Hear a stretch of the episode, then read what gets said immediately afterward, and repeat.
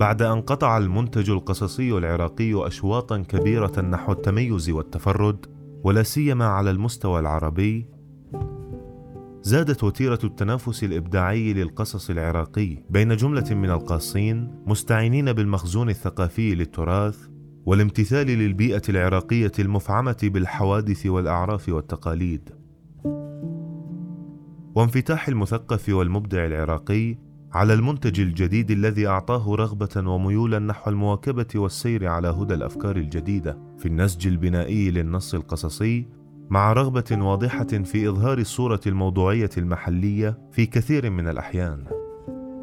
ومن الكتاب المبدعين الذين أبدوا اهتماما ملحوظا بتشخيص المشكلات والأمراض الاجتماعية المحيطة بهم ومحاولة معالجتها في أدبهم فؤاد التكرلي في جملة أعماله، ولا سيما في قصته الباب الآخر، التي يبدي اهتمامه فيها بالجانب الأسري إذ تدور أحداثها في إطار الأسرة وعلاقة أفرادها بعضهم ببعض، لا سيما علاقة الأم بابنها، وما تؤول إليه أساليب تعامل الأم معه من نتائج.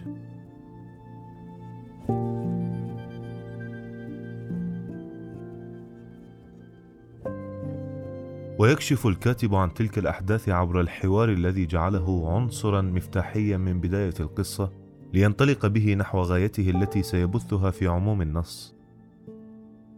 إن العلاقة القائمة بين الصغير الابن وأمه يشوبها شيء من الاضطراب والالتباس، وهو ما أمكننا أن نلحظه من اهتمامها المفرط الذي تبديه بالجوانب التعليمية وإهمالها الجوانب النفسية التي كثيرا ما حذر منها والده، مشيرا إلى أنها ستقودها إلى نتائج غاية في السوء، فالتأنيب والتكذيب ورفض الأفكار الجديدة وإن كانت صغيرة تؤثر سلبا في الطفل وتجعل المجتمع القادم أمام مأزق كبير لا يستطيع الخروج منه ابدا. وقد كشف الكاتب عن هذا وما سيأتي من أحداث عبر الحوار بين الأم وابنها وسرد ما كان يبديه من نصائح تجاه تعاملها مع الصغير. وقد قدم التكرلي شخصيته إلى المتلقي بطريقة ذكية غير مباشرة عبر الراوي الذي هو الأب. وسرده الأحداث وهو راو من داخل القصة والحوار بين توجه الأم والابن من جهة والأب والابن من جهة أخرى.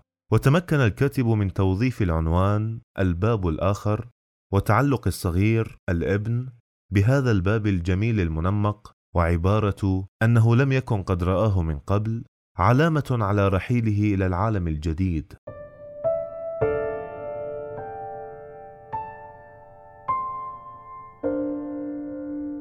بعد أن أعلن الكاتب مرضه منذ البدء بعبارة بل ينتابه ضعف مؤكدا ذلك بعد سير الأحداث ومشارفة القصة على النهاية بقوله فيسترد صحته خلال أسابيع ويجتاز امتحانه بقليل من المشقة.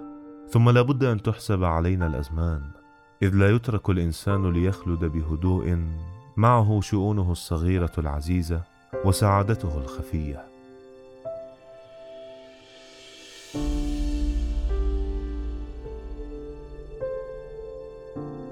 والأم لا تصدق صغيرها والأب يؤمن به ولم يتمكن من رؤية ذلك الباب. إلا أن الصغير يؤكد أنه سيطرقه يوما. والعلاقة بين الأب والصغير كشفت عن موضوع القصة فلا بد من مسوغات وتعليقات تتيح للقارئ فهم تطور البناء الدرامي للأحداث. فعندما يأخذ الأب دور راوي الأحداث ويتقاسم البطولة مع الصغير يحاول التركيز في المضامين التي تستفز المتلقي ويحاول إلفات نظره إلى عنوانات خاصة بالسلوك. وما تؤول إليه من نتائج. ومن فهم هذه العلاقة يفاجئنا الراوي الأب بأن هذه القصة محض تصورات وتخيلات فقط. كان يعيشها الأب ناتجة عن الضغوط النفسية التي خلفها رحيل صغيره الذي حول حياتهما إلى جحيم جديد. عبر ما قرره في نهايتها بقوله كان ذلك في عهد سلف. في عهد الأواني والبسمات والأحزان في عهد الهناء الغالي الذي لا يأتي مرتين.